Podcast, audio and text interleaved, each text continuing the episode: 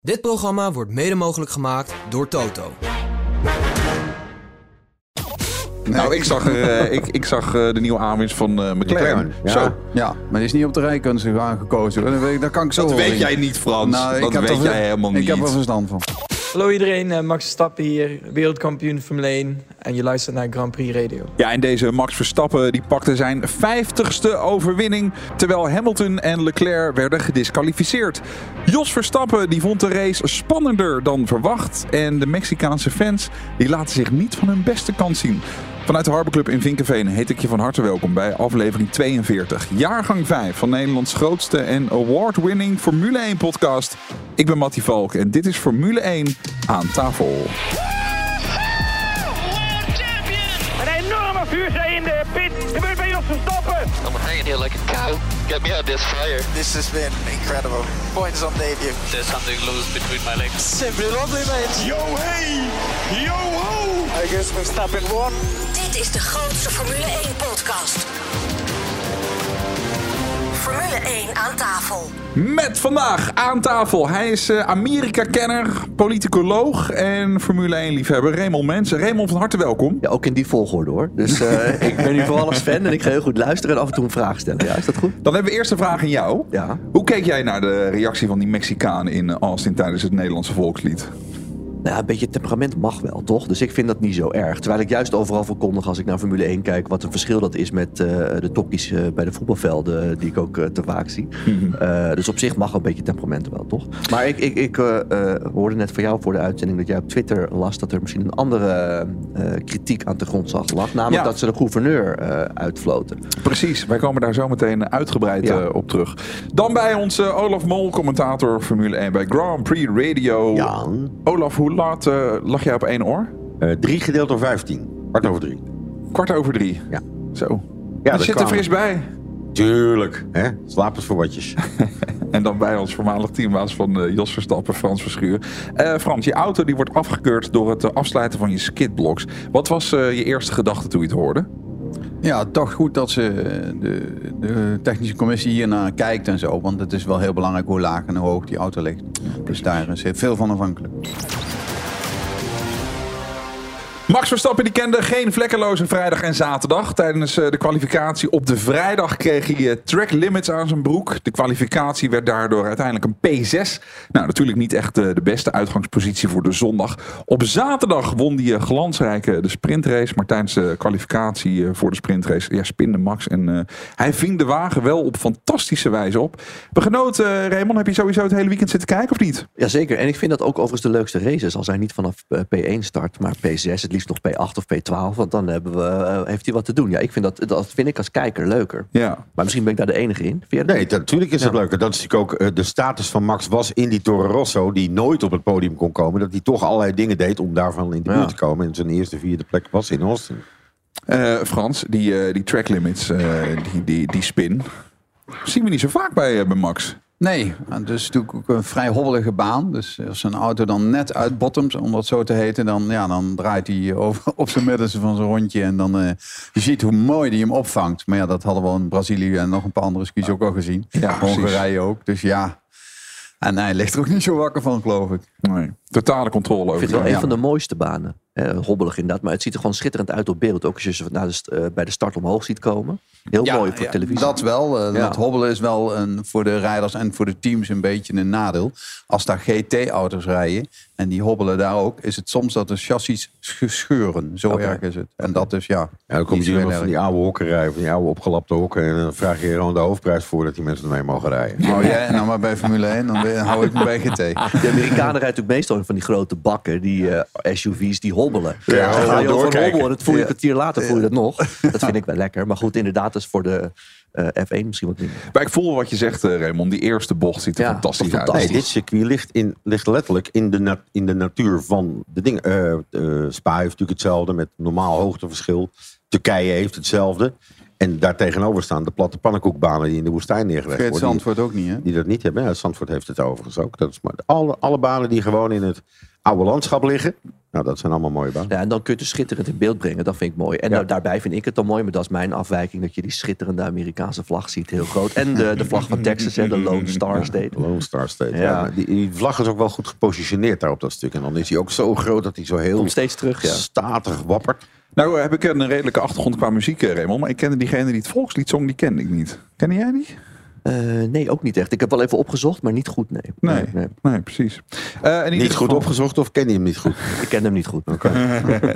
en dan zoek ik het op, denk oh ja, dat is die en die. Het was eh, de race op zondag. Het was wederom eh, erg warm. En eh, ja, de wind die kwam echt overal vandaan. Goeie start van Norris. Norris kiest daar al de binnenkant. Hamilton kijkt ook. Daar zitten ze nog met meer mensen te alles. En Verstappen zit in de buitenzijde. Krijgt daar dan misschien een tikje van George Russell. Kan hem niet laten staan. Maar zit in ieder geval op de vijfde plek. En heeft al een plek gewonnen. Norris aan de leiding. Bang, tikkie daar met Oscar Piastri. En wie vanaf P2 de laatste vier jaar pakte de leiding? Nou ja, nu ook Lando Norris weer. Je gaat natuurlijk even zitten zoeken hoe het verder gaat. En Leclerc was hard aan het verdedigen. Sainz derde positie. Dat betekent dat hij Lewis Hamilton te grazen heeft. En dan is Russell weggezakt. Vijfde. Ja, Russell naar acht.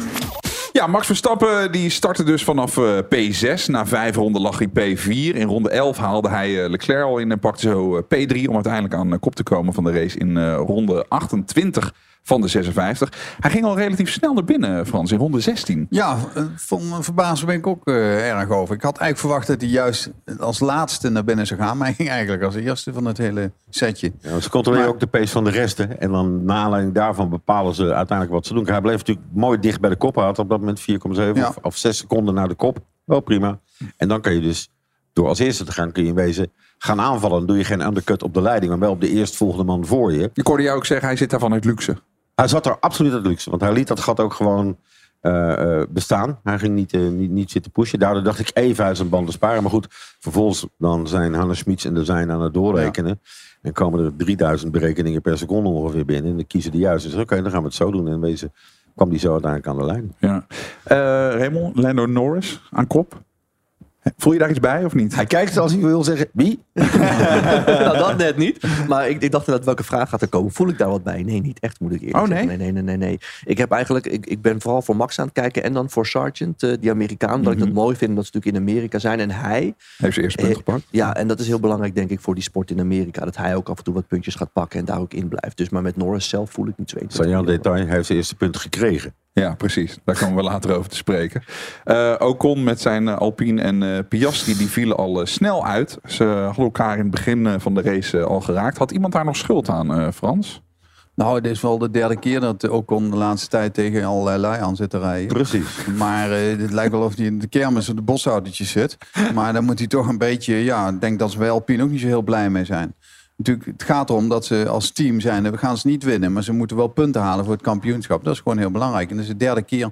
En ik vind dat de, de vorige keer had hij wel wat zwaarder gestraft mogen worden. Want toen nam hij er twee mee en nu heeft hij er dan eentje eruit gereden. Ja, ik hoor jou dit beamen allemaal. Ja, nou, bij de start in Japan was het natuurlijk precies hetzelfde. Ja. Hij, hij was de oorzaak dat eh NPS en anderen, weet je, in, ja, dan zijn ze bij de start wel wat coulanter. Maar hij, ze moeten bij Timo komen draaien. Esteban, kom er eerst door die eerste Ja. ronde heen. Ga je ritme zitten en dan gaan we kijken wie we aan kunnen vallen. Want je wint de wedstrijd niet in bocht 1. Je verliest hem wel. En je verliest hem veel makkelijker. Je ziet dat Max, bij die ook, gesprek- eh, Max Nee. echt bij de, de start heel voorzichtig is. Vroeger toen hij jong was niet, maar nu wel. Dan denk je, oh wacht maar, mijn tijd komt wel. Dan heeft hij natuurlijk de mogelijkheid met die auto om dat te doen. Maar ook kon moet denken, ja maar P8 is ook 8. Ja. En, en nou is het P20. Ja, daar word je niet vrolijk van. Wat wilde je zeggen, Raymond? Nou, alleen dat jij zegt dat gesprek, eh, dat wordt toch met hem ook gevoerd. Waarom doet hij, luistert hij dan niet? Is dat onervarenheid of Nou, is ik dat vraag me af of? Die Franse, een Fransman op die manier gaan aanpakken. Want Ja? dat betreft, ja, Esteban, eh, er zit wel een kop op hoor. Vergis je niet. Hij is, eh, ik denk dat hij veel heftiger en ruwer is in zijn reacties, ook op de bordraad die niet meer allemaal horen, dan dat Pierre is. Ik denk dat Pierre zeg maar, een veel netter ventje is en hij is veel meer een rouwdouwer. Dus hij, hij laat zich niet snel de maat nemen. Die overtake van eh, Max op, eh op Lando Norris, die ging vrij easy, toch? Nou, hij kwam van ver. Ik had eigenlijk niet meer verwacht dat hij kwam. Maar ook dat is weer gewoon een punt geweest. Dat ze gezien hebben, oké, dat is de pace, dat is de pace. Nu gaan we dat doen. En wat hij daar deed, hij remde zo mooi diep in aan het einde van het hele lange rechte stuk. Dat hij eigenlijk, dit is in bocht 1, als je die binnenkant pakt, heb je een 6, 7 meter kortere lijn er naartoe. En dat deed hij daar dus ook. En dan zijn er allemaal mensen die zeggen, ja, Lendo die moet een beetje harder verdedigen. Maar Lendo Ja. is intelligent. Wat Max nu heeft, wat in het verleden ook was, zodra als coureur die rode Ferrari van Schumacher is gekomen, dacht je, oh kut, er is die weer. En dat heeft Max ook gecreëerd. Hè? Er komt dat blauw-gele monster weer. En daar weten ze van, ja, die gaan we in principe niet tegenhouden. Dus ga ik dan mijn hele rondje vernachelen door daar de boel mee op te houden. Waardoor ik een slechtere rondtijd heb. En als hij maar voorbij is, word ik meteen aangevallen door de man achter me. Wat natuurlijk ook regelmatig gebeurt. Dus ik denk dat Lendo dit wel verstandig doet. Hij laat wel, hij laat niet, hij zet niet mega de deur open en roept van nou kom maar, kom maar, kom maar. Hij doet er wel een beetje, beetje mee, maar nee, ik vond hem wel... eh, Ja, maar dat was toch ook wat jij zei, ronde 26? Want ik hoorde dat inderdaad, ik zat dan eh, bij Ziggo te kijken en ik hoorde dat ook. Of dat, ik, eh, dat ze zeiden van waarom laat hij hem zo makkelijk toe? En ik denk, ja, maar wat moet je dat dan gaan doen? 26 ronden volhouden. Ik bedoel, hij weet toch ook wat er komen gaat? Dat begreep ik ook niet zo. Plus, als Nee, hij zijn, zijn ja. band spaart dan, en hij weet dat hij in de DRS van Max mee kan. En als hij dan zijn banden iets beter heeft, kan hij langer mee in die DRS. Waarom die mannetje achter zich langer van zich afhoudt. duurde ook weer even, hè, voordat Max echt bij hem wegliep. Hè. Er was ook een Ja. paar honderd die dat je dacht van, oké, kan het nog wel. eh, Maar ja, dat laat Verstappen dan gebeuren. Ik, denk, nou, ik vind het prima zo. Want later was met Hamilton natuurlijk hetzelfde. Wordt Len, eh, Lando ingehaald door Lewis. Maar dan weet Lando ook, ja, hij staat op een compound zachter. Dus wat ga ik hier nou lopen doen? Dan ga ik in de herp in de boel verdedigen. En op grip. En uit de acceleratie rijdt hij me er alsnog voorbij. Nou, dan kan je maar beter het soepel houden, zodat je je rondetijd een beetje zo houdt. Horizontaal. In plaats van dat er allemaal spikes in zitten van, oké, nu ben ik vier tiende kwijt. Eh, die moet ik maar weer terug zien te vinden. Moet ik dus, om op hetzelfde niveau te komen, de volgende twee ronden 18e zien te winnen. Om een horizontale lijn te houden. Ja, dat is super moeilijk. Interessant momentje, twee ronden voor het eind had eh, Max een klein dingetje met eh, zijn engineer. Hij had namelijk al eh, de hele race problemen met zijn remmen. Luister even mee naar eh, nou, dat gesprek. Die spannender maken dan het is. Maar je ziet wel dat Verstappen bij het aanrennen van die herpin, daar heeft hij het het lastigst. En wil hij dus het liefst niet dat Giampiero tegen hem aanbabbelt. Ja, 3.6. No talking at the braking net. Sorry. Ik heb eh, Max, eh, nou laat ik het anders zeggen, in jaren niet zo zagrijnig over de boordradio gehoord. Helemaal pist. Zagrijnige Max is uh, desalniettemin altijd leuk om te horen. Eh, niet tijdens het remmen tegen me praten, Frans. Waarom niet? Nou, dat remmen, dat is bijna op de meter nauwkeurig. Je komt aan met 300 plus. En dan moet je vol in die remmen met 120, 150 kilo trappen. En dat is een beetje heel belangrijk. Trap je een metertje laat, omdat hij net in je oor praat. Ja, dan, dan mis je de bocht en dan lig je ergens anders. Dus dat is zo belangrijk, dat, dat, dat moment daar. En, en dan moet je beter als je het rechte stuk opdraait, dat ze dan zeggen. Dat doen eigenlijk al die engineers. Dus het rechte stuk oprijden, oh, daar rijdt hij daar. En dan zeg ik het. Maar en daarnaast weet hij ook wel, eh, hoef je Max niet uit te leggen dat hij 3,6 seconden voorsprong heeft. Die jongen kijkt één keer in de spiegel en weet het. En daarnaast hangen ze ook borden uit, nog steeds. Als de radio ooit een keer kapot gaat, is er wel van die borden nog er zijn. En da- daar had hij ook vanaf. Dus ik vond het ook een beetje een onnodige call. Ik, ik, ik heb nog nooit in een Formule 1 auto gezeten. Ook trouwens de behoefte niet. Want ik denk niet dat ik er eh, eh, zonder te kotsen uitkom. Beter voor de Formule 1 ook, Je hebt er wel de lengte voor. Ja, ik ben heel klein. Ja, ja, ja, ja, ja. Maar eh, eh, is het dan echt een doodzonde om tegen iemand te praten, inderdaad op de boordradio, tijdens het remmen? Of was Nee. Max gewoon geïrriteerd? Nee, dat is niet een doodzonde. Maar je doet het niet als engineer. Je wacht echt op het rechte stuk. En meestal als het rechte stuk opdraait, dan schakelen ze op. En dan hebben ze heel even tijd. Ja. En je weet, je ziet precies waar die rijdt. En dan moet je dat gewoon niet doen op het moment dat hij hem aanremt. En daar, daar ja, dat is een denkt ook soms wel eens eh, van ik doe het anders. Maar de definitie problemen met de remmen is natuurlijk een vrij wijd begrip. Hè? Eh, mijn gevoel zegt dat ze, eh, en dat heeft Max ook aangegeven, ze hebben ehm, voor de zondag de remmen veranderd. En dus denk ik dat ze de auto wat meer op de achterkant remmen gezet hebben. De MGUK, het ouderwetse keursysteem waarbij je oplaadt. Dat die dus bij die harde aanrempunten, eh, bocht 1 en bij die hairpin, dat die auto daar meer op de achterkant remde. En dan wordt hij een beetje loose, dan begint hij een beetje, dan komt er onbalans in. Want ik denk niet, met de inhaalacties die we gezien hebben, dat er een technisch remprobleem was. Er was een probleem waardoor de balans van de auto bij het aanremmen anders is. En ja, dan ben je hem zomaar kwijt. En daarom dat hij heel erg wakker moest zijn en hoog op zijn concentratie zat. En ik denk dat hij daar moet van even niet, even niet, even niet.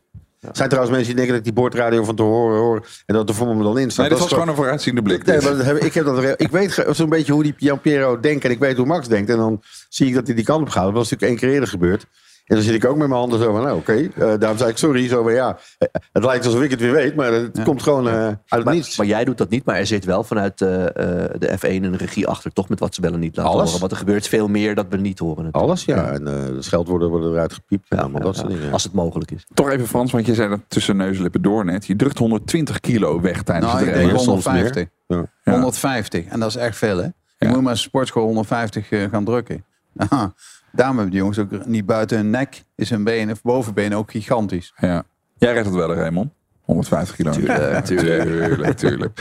Zometeen in eh, F1 aan tafel jouw kans om een eh, volle tank brandstof voor je auto te winnen bij Tink. De Flitsmeister 2 krijg je ook en een eh, fles Ferrari Formule 1 Trento Doc. De bubbels bekend van het eh, podium in eh, de Formule 1. En ook beantwoorden we een vraag van een luisteraar binnengekomen op F1 aan tafel at grandprixradio.nl. Tot zo! Kaarten voor de officiële Max Verstappen tribunes in 2024 voor de grote prijs van Oostenrijk, Hongarije en België zijn vanaf nu alleen verkrijgbaar bij verstappen.com. Moedig Max ook in 2024 aan en koop snel je kaarten. Verstappen.com is het enige en officiële verkoopkanaal van tickets voor de Max Verstappen tribunes. Uh, we call that simply lovely. Jippie, ja, ja, ja, ja, jippie, jee. Jippie, jee. Jippie, ja, ja, jippie, ja, jee. Ja, wat zijn we trots. Het is gewoon weer gelukt. Hornbach is voor de zeventiende keer uitgeroepen tot beste bouwmarkt van Nederland. En dat niet alleen, ook zijn we voor de zesde keer beste webshopbouwmarkt geworden. En daar kunnen we natuurlijk maar één ding op zeggen. Dit programma wordt mede mogelijk gemaakt door Discovery. Je luistert Formule 1 aan tafel. Dit is de grootste Formule 1 podcast van Nederland. Even een blik in onze mailbox. Daar eh, vinden we een mail van eh, Barry Aalders. Hij vraagt via F1 aan tafel at grandprixradio.nl. Olaf, bestaat er zoiets als een dopingcontrole bij de F1? Zeker wel. Al jaren. Al echt veel langer dan dat ze het echt openbaar zijn gaan maken bij het wielrennen. Waar het natuurlijk uitermate nodig was. Maar het is al eh, ja, ja, uit de tijd van Hakin en Villeneuve. Al die gasten was gewoon... Is er dan ooit iemand mee gepakt? Officieel het WADA. Ja, er is ooit Thomas Enge. Ja. Is ooit gepakt in... Ja, dat klopt, ja. eh, dat was toen nog... De eh, GT-wereld hoor, of niet? Of nou, ja, nee, 1? daarvoor zelfs in eh, Formule 3000 volgens Ja. mij. Die had, eh, die had het joint gerookt. En dat kwam daarvoor in zijn dopingcontrole. Die is een tijdje geschorst. En later is hij nog ook in de GT-wereld gepakt. Maar, Ah, je mag maar ook niks. In de GT-wereld is dat ook, hè, doping, maar ook drank. Ja. Dus als ze vroeg moeten rijden of zo, dan, eh, ja, dan controleer ze echt ook op drank. Ik zit even te denken, wat voor voordeel zou je hebben van een joint? Dat je iets relaxer die race in gaat dan of zo. Ik zou er Eh, eerder trager van worden volgens mij van een joint. Ja, ik, zeg heb het nog niet, nooit ik drugs gedaan. Nee, ik ook niet. Heel Nee, stom. ik denk dat het te maken heeft dat je eh, misschien, als je, als je al een vorm van angst hebt, dat je die kwijt bent. Ja. Dat je gewoon eh, de. Ja, meer- Ik, meer ik, ken jongens bent. die echt eh, één of twee whiskies namen voordat ze gingen rijden. Even het scherpe randje eraf. Ja. En, Ja. en soms zijn ze, oh, er zijn ook mensen die bang zijn, eh, coureurs, die bang, en dan zijn ze iets minder bang. Gerard Berger heeft ooit eh, David Coulthard eh, zeg maar, geprobeerd een oor aan te naaien. Door David Coulthard te vertellen dat ja, nee, maar voor Monza, jongen, dat is echt gewoon dat is traditie. Daar moet je dan echt een zo'n klein glaasje limoncello eh zuipen voor de wedstrijd. En dat moet en dat dit en dat. En die Coulthard zei, nee, dat kan niet en dat kan niet en dat kan niet. En dat, oh ja, dus had hij, eh, had hij aan tafel laten komen.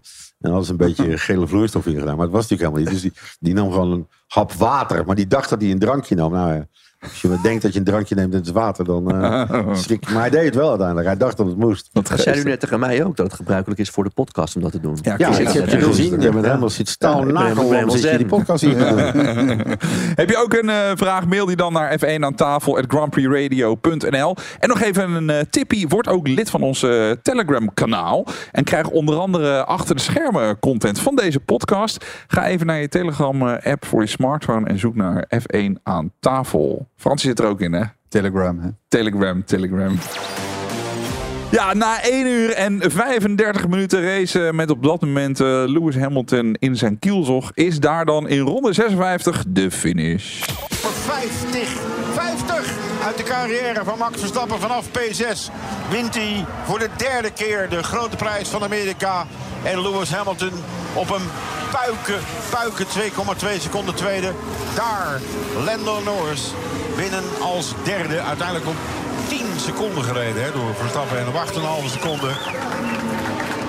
Maar hij is toch weer in de pocket.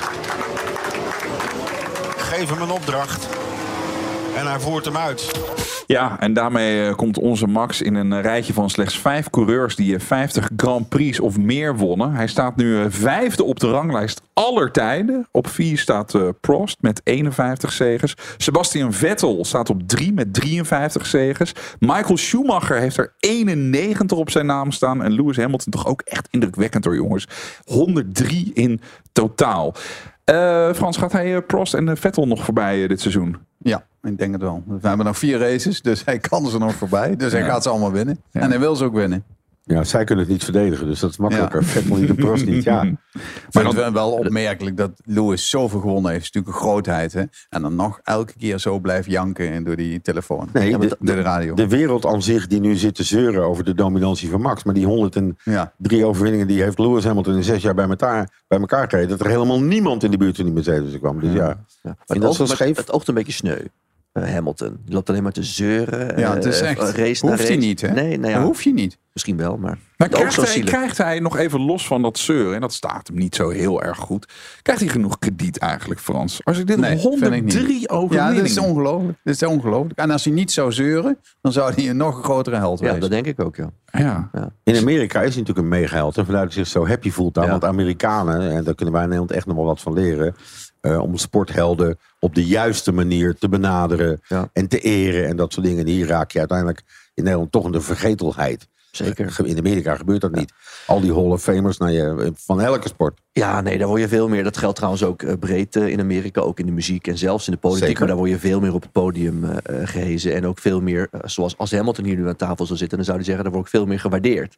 Dat zal ook zo voelen. Ja, het is natuurlijk een warm bad voor die gasten. Ja. En, en terecht zou ik ook zeggen. Ja. Eh, Even ere wie ere toekomt. Hij is ook de enige. hè, Er was dit weekend dan de F1 Academy met die meisjes die allemaal racen daar. Hij is dan toch. Oké, Russell moest op het podium een beker uitreiken. Wat hij dan deed met zo'n bakkers van wat doe ik hier. Maar Lewis komt gewoon.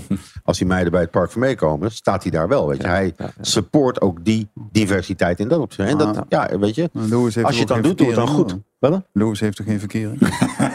Jij denkt dat hij daar stiekem een beetje aan Ik deed? denk dat is, hij toch een eh, beetje... eh, Nou, ik weet niet of je die meiden allemaal gezien hebt. Nee. Nou, ik zag, er, eh, ik, ik zag eh, de nieuwe aanwinst van eh, McLaren. McLaren, ja. Zo. Ja, maar die is niet op de rijkunst gekozen. hoor. Dat, weet ik, dat kan ik zo Dat wel weet jij niet, Frans. Nou, dat weet er- jij helemaal niet. Ik heb er verstand van. Eh, we houden het even bij Lewis Hamilton, jongens. Want eh, nou, Nederland ging naar bed. Max wint weer een race. We worden wakker. En vervolgens, wat blijkt, Lewis Hamilton en Leclerc... die eh, vallen beide uit eh, de eindklassering. Olaf, waarop zijn zij gedisqualificeerd? De vloer onder de auto, de plank. Dus dat heeft niks te maken met wat wij zien aan de zijkanten van de auto. Dat zijn de uiteinden van de vloer. Maar aan die vloer vast zit in het centrale deel een plank. En die moet 10 mm zijn na de wedstrijd. Die mag wel afslijten, maar op vier punten niet. En dan liggen drie punten aan de voorkant en één punt aan de achterkant. En waarom doen ze dat? Wat de teams doen met die plank onder de auto, is kracht zetten op de voorste punt, waardoor die in het midden een beetje omhoog komt. En dan krijg je daar dus meer vacuüm, lees met een downforce die er is, wordt die auto harder op de grond gezogen en is er dus meer grip en meer rondetijd. Er zijn ook coureurs, want dan zou je zeggen, waarom heeft eh, Sainz en Russell het niet? Want die rijden ook met een eh, Mercedes en een Ferrari. En nou, dat komt ook een beetje soms de rijstijl van de, van de rijder. Veel over de curbs. Dan slijten ze natuurlijk wat harder. En de ander rijdt wat netter. Eh waar rij je op het rechte stuk waar veel hobbels zitten? Daar slijt hij natuurlijk ook. Maar Nee, vooral dat curbs. zou dan voor iedereen hetzelfde. Daar zitten, die, skid, daar zitten die titanium Ja. skidblocks Maar voor. vooral als curbstones, daar, eh, als je daar veel overheen gaat, dan, dan slijten ze wat harder. Nee, ze hebben die auto's te laag gelegd. Punt. Weet je nog dat die Mercedes zo aan het enorm stuiteren was aan het begin van het jaar? En dat Lewis een last van zijn rug had, dat was dan vorig jaar nog. Dat Toto Wolff zei, ja, nee, ja, we kunnen het wel oplossen. Maar dan moeten we rijhoogte geven en dan verliezen we downforce en rondetijd. precies. Dus het is gewoon een keus. Dit is geprobeerd met die nieuwe vloer die er was. Om zo veel mogelijk downforce te creëren. En ze worden dus at random gecontroleerd. Hè? Want die van, die van Russell is niet gecontroleerd. Dus we weten, misschien, misschien was het bij Russell ook wel zo. Het is, een, het, is een, het is een matrix. Ze trekken gewoon die, die, die, die en die eruit. Maar het feit dat dus en ehm, Max een auto en Norris een auto het niet heeft... betekent waarschijnlijk dat zij een fractietje meer rijhoogte gepakt hebben... Ja. om daar niet in de problemen te komen. Dus ja, feitelijk zou je kunnen zeggen... joh, hartstikke leuk Lewis. Maar ja, ik zeg het niet, de VIA zegt het. Super tof dat je zegt... ja, we hadden bijna kunnen winnen met een illegale auto. Want het geeft wel degelijk... Geeft wel degelijk rondetijd. Als zij die auto hoger gezet hadden, had die Verstappen nooit, nevers nooit meer in zijn kont kunnen kijken. Die vloeren zijn wel universeel. Dus iedereen heeft dezelfde vloer. Het is niet zo van dat jij met hard houdt en Plank met zacht houdt. moet je praten. Ja, die planken zijn allemaal wel hetzelfde. Dus die Ja. worden allemaal door de VIA beschikbaar gesteld. Nog één vraag, Olaf. Ik hoorde jou zeggen, purposing leek terug bij Mercedes. Jij niet- ik heb het echt gehoord. Dat hij aan het eind van het rechte stuk gewoon weer die... En dat is niet het hobbelige circuit wat daar ligt. Nou ja, dat, dat zou dus kunnen. Maar als je dan na afloop hoort dat er een auto gedisqualificeerd wordt... omdat die vloer te veel gesleten is... Hens, hij heeft een fractie te laag gelegen... Ja, dan is, het, dan is het dat ook wel weer. Dit blijf ik bizar, maar ook heel leuk van deze sport eh, vinden. Jij, jij, begint dus inderdaad over die disqualificatie. En dan komt een verhaal over een plank. denk ik, nou, benieuwd waar dit heen gaat. En dan zit er zo'n verhaal achter over dus een plank. Ja, dat is bizar. Dat, is, dat heet know-how in plaats van kennis. Kennis haal je uit een boekje en know-how is van ik weet hoe het zit. Ja, ja, nee, Ik zeker. heb thuis namelijk zo'n plank staan die ooit bij een post vandaan eh, gekomen was. Oh, ik dacht voor je hoofd, die plank. Ja, nee, die heb jij. Het een sluit het ander ook niet uit. Eén vierkante meter eh, groot zit vast, vastgenaaid achter je oren. Ehm, ja, uiteindelijk betekende het dat eh, Logan Sargent tiende wordt en zijn eerste WK-punt eh, scoort. Nou, dat is hartstikke mooi toch? Krijgt. Eh, Ja, die heeft hij in de krijgt, ja, Ah, oké. super Het maakt niet uit hoe het komt, het komt. Juist. Toch? Precies. Cadeautje. Want over, over twee weken weet niemand meer hoe hij die punten heeft. Want dan staat hij in de, in de rangschikking. Maar ja, ik vind hem niet goed. Hij is niet goed genoeg om te blijven. We geven je in eh, Formule 1 aan tafel onder andere de kans om een eh, volle tank brandstof voor je auto te winnen bij Tink in Raad het Autogeluid. We gaan naar eh, Mario de Pizzaman en het gaat over een auto met een Duits tintje. Dag Jan. Hey, goeiedag Mario. We moeten elke week lachen. Eh, we maken er steeds een grote feest van. Zit je nou weer in een auto met een ster? Ja, ja sterretjes eh, zijn wel de beste. Hè? De beste organisch, hè? Vertel je wat over deze auto alsjeblieft. Ja, dit is eh, een van de kleinste gelendewagens van Mercedes. Ik zeg bewust gelendewagen en geen terreinwagen. Waarom? Eh, bij Mercedes wordt een gelendewagen met een G aangeduid. Dus dit is de kleinste gelendewagen van Mercedes in de kleur rood. Zeg je nou Glenderwagen? Gelenden. En gelende. Oh, Glenden. Niet glenden, gelenden. Een Glendenwagen. Gelendenwagen. Staat die ook al zodanig op de website? Staat als G. G van gelendewagen. Oké, ehm, eh, we, eh, we doen iets nieuws met geluid. Dat, dat weet je, hè, sinds vorige week. Ja, oh, heel veel positieve reactie over gekregen, hè? Ja, dat bedoel ik. Nooit zoveel mailtjes gehad, man. Echt leuk, dat hebben we goed gedaan. Eh, welk geluid had je deze week in gedachten? Ja, Klakson was natuurlijk vorige week. Eh, ik kan kijken of ik iets uit de boordcomputer krijg van deze. Want ze willen ook graag horen hoe een boordcomputer klinkt. Dus ik ga eens kijken of deze iets zegt. Hallo? Hallo, auto? Kun je dat nog een keer zeggen? Hallo, auto? Sorry, daarmee kan ik je nu niet helpen. Raad het autogeluid. Nee, dat weet ze niet, hè? Waar vinden we deze auto, Jan? Deze vinden we op www.paulvanbergen.nl. Ja, daar vind je hem wel.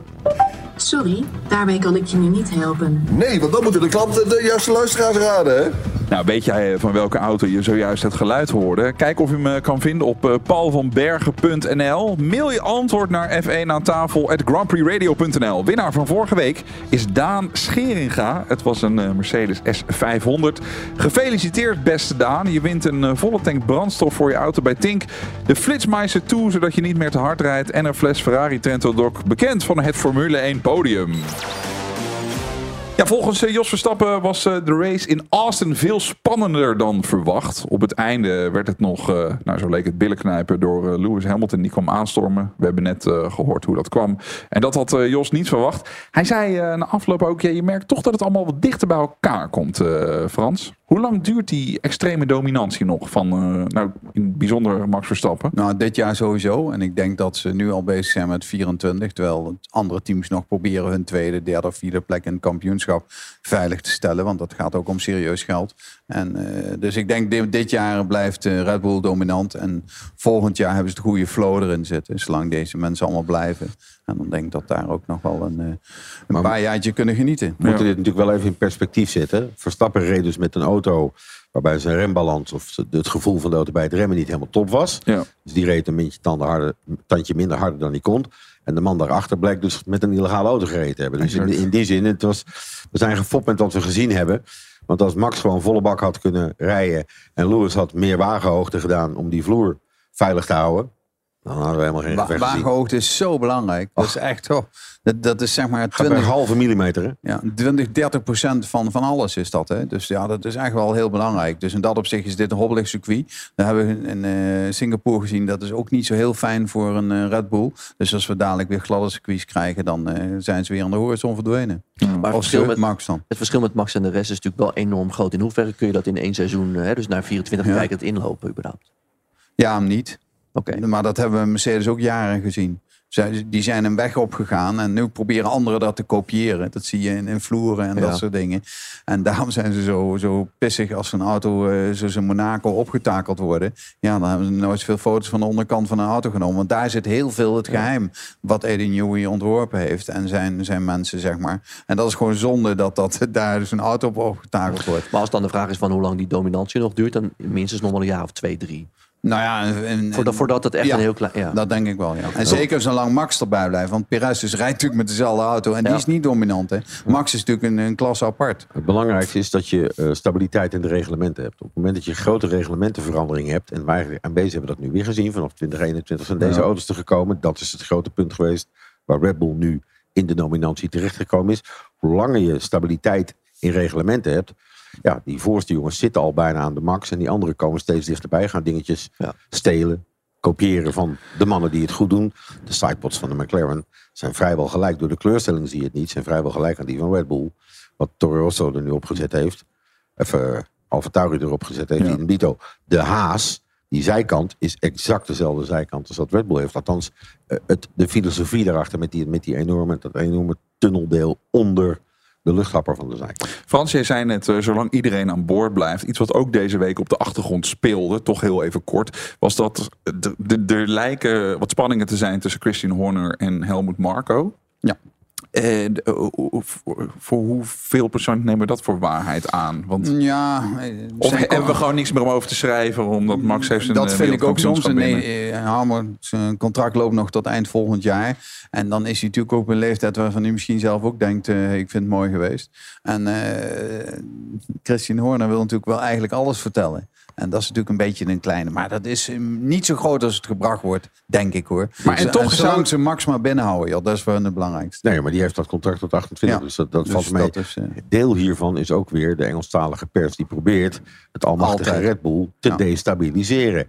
En als je het op de baan met de auto niet kan, als je dan de organisatie gaat destabiliseren en je zorgt dat daar dit soort dingen naar boven komen, dan lekt dat wellicht door. Maar het scenario dat uh, de oprichter van Red Bull, Dieter Matisic, overlijdt, dat er twee mannen zijn, Christian Horner en Helmut Marko, die denken van nou, dan ga ik nu eens hier aan de touwtjes trekken. Dat is een redelijk realistisch of denkbaar scenario, toch? En dat dat een beetje. Voor... er, er is natuurlijk een machtsverschuiving. Juist. Ja, logisch. Ja, en dat okay. dat voor struggles zorgt, is ook redelijk aannemelijk. Ja. ja, maar ik vind dat niet zo erg dan als, als, uh, als er zeg maar een paar technische jongens weg zouden gaan. Nee. Dan heb je een probleem. Ik denk de enige, het enige pijnpunt wat er ligt, en dat is gewoon knetterhard zoals het is. Er is maar één man in de hele organisatie van Red Bull Racing die geen moer te vertellen heeft over de rijders. En dat is Christine Horner. Niets. Kan daar niets over zeggen. Kan daar niets over vinden van ja, maar die wil ik en die wil Horner was ook tegen de Vries. Hè? Mag, ja. daar niks, mag daar niks over zeggen. Dat ja, is de rol van Helmut Marco. En Marco heeft schijnbaar iets een korte band met Ricciardo. Want ik vind Ricciardo, ja, waarom moest hij vervangen worden? Weet je, waarom moest uh, Liam Lawson eruit? Die deed het hartstikke goed. Nou, het was weer een aanfluiting met Ricciardo afgelopen race, vond ik. Ja. ja, maar je kent het contract toch niet? Nee, dat weet ik. Maar contracten zijn toch om te verbreken. En, en, en die zijn, daarom zijn er contracten. Contracten zijn Kijk, om te Nick, verbreken. Nee, Nick de Vries die werd er ook uitgezet. Ja, en nou Omdat heeft er een prestatieclausule ja, in zijn nou, contract hadden ze, hadden ze bij Ricciardo ook moeten doen. En als hij er niet in staat, zit hij er gewoon in. En heeft hij Ja. gekozen om terug te komen om een Ik deel vind van het de wel mooi. Het was een heel spannend politiek verhaal. Precies. Daar ga ik aan. Hè. Politiek is leuk. Die En dan zitten hier die twee te gasten die vervullen. zeggen... joh, als al die technische mensen blijven, is helemaal niks aan de hand. Dus de, de- al die hoge heren staan wel weer met beide beentjes op de Ja, grond. ja, ja, absoluut. doet er eigenlijk helemaal niks toe. Dat is invulbaar. Dat, Ja. dat, Nee, dat- en, want ik- ik team zit luisteren, Hop ook, zeker. hè. V- Vroeger was het gewoon... Dat, en dat is niet meer. Vroeger Jordan was Eddie Jordan. Ja. Hè, Minardi was Paul Stoddard. En als je kijkt, historisch gezien, er zijn een aantal teams die niet succesvol geworden zijn. Dat is Jaguar, want daar zat geen kop aan. Er was geen persoon die eraan zit. Jean Todt was Ferrari. Toto Wolff is Mercedes. En de teams die dat niet hadden, Toyota, dat was dan... Hoe heet die man? Ik weet zijn naam niet eens meer. Andersen? Duitsland? Nee, nee, nee. Uit, uit, uit, uit Noorwegen en zo. Maar dat was geen karakterkop. En dan ben je ineens gewoon maar een bedrijf, een organisatie. Zodra er geen vaste naam aan zo'n team zit. Hè? Eh, Colin Chapman was Lotus. Nou, fijn, dan kunnen we nog honderd keer doorgaan. Ken Tyrrell was Tyrrell. Ferrari heeft allemaal prutsers gehad. En nu hebben ze een faseur. En dan ziet Nou, heel nou, langzaam... Jean Tot zou ik geen prutsel Nee, na teambaas. Jean Tot hebben ze prutsers gehad. Wees dan genuanceerd. Je begrijpt precies Nou, wat dat is nooit bedoel. Franse kracht geweest. Nee. Het is eh, tijd voor eh, Koning van de Race. We stellen vragen aan onze gasten. Maar misschien weet jij het wel beter. Op de agenda staat komend weekend de Grand Prix van Mexico. Raymond, wint eh, Max komende zondag in Mexico? Ja. Ja, dat is ook de minst spannende vraag die ik heb. Nee, maar het is goed dat hij naar mij gaat. Daar ben ik heel tevreden mee. Olaf, wat gaat Perez doen in zijn eh, thuis Grand Prix? Stinkende best. En wat als het allemaal heel verkeerd uitpakt in Mexico voor Perez? Nou, niks aan de hand. Nee? Want dat is een stuk van het politieke spel. Christian Horner heeft nu gezegd... nee, wij hebben geen afspraken met Perez... dat als hij geen tweede wordt in het WK... dat hij eruit moet. Maar daar heeft hij niks over te zeggen. Dus dat is interessant. Ik vind dat spannender met eh, Perez dan het verhaal eh, wat, eh, wat er bij die bazen van Red Bull eh, speelt. Hoe dat met Perez afloopt, vind ik spannender. Jij niet?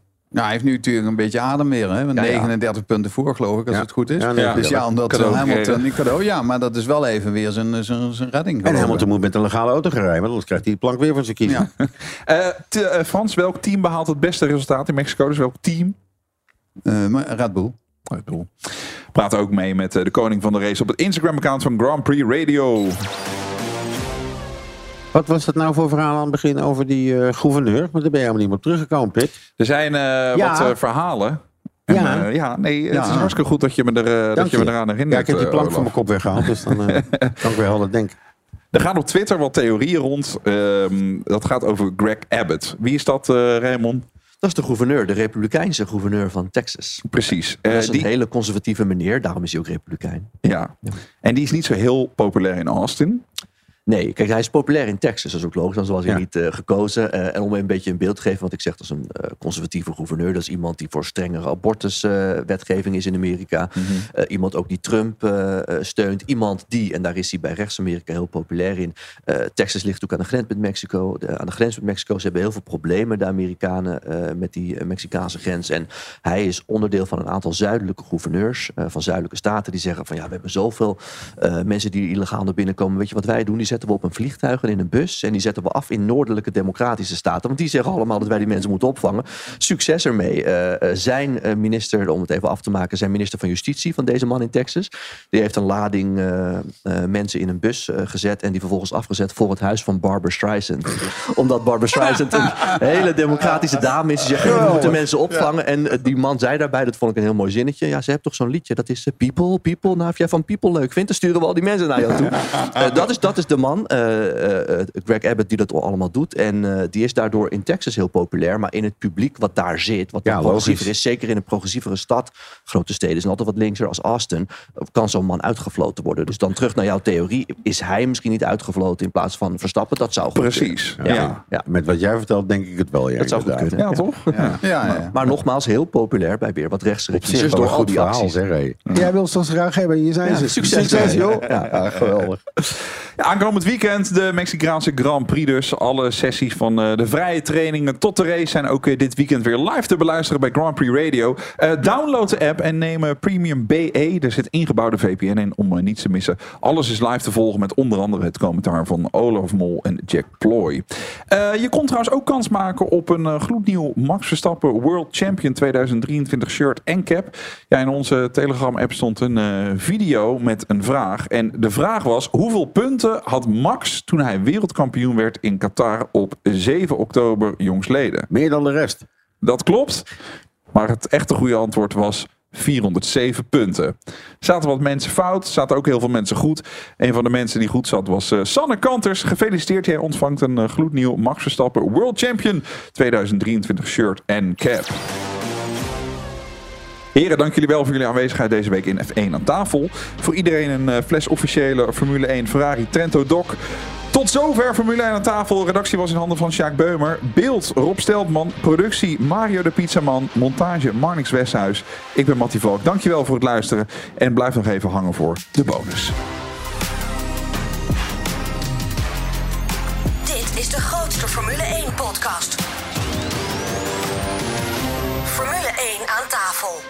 I don't even like podcasts. They make me fall asleep, so...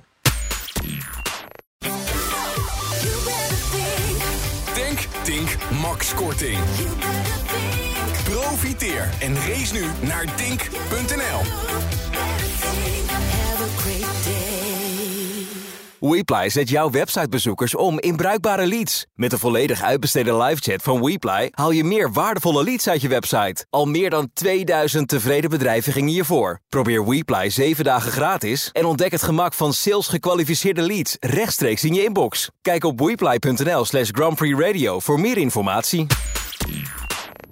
We zitten in eh, de Harbor Club in Vinkenveen. We vinden het altijd leuk om Tim te zien. Want Tim, we vinden je hartstikke aardig. Maar je neemt ook altijd onwijs veel lekkere dingen mee. Wat heb je hier op tafel gezet? Nou, we hebben wat sushi voor u gemaakt. Te beginnen met dat, eh, de ebimaki rol. Met wat getorte zalm erbovenop.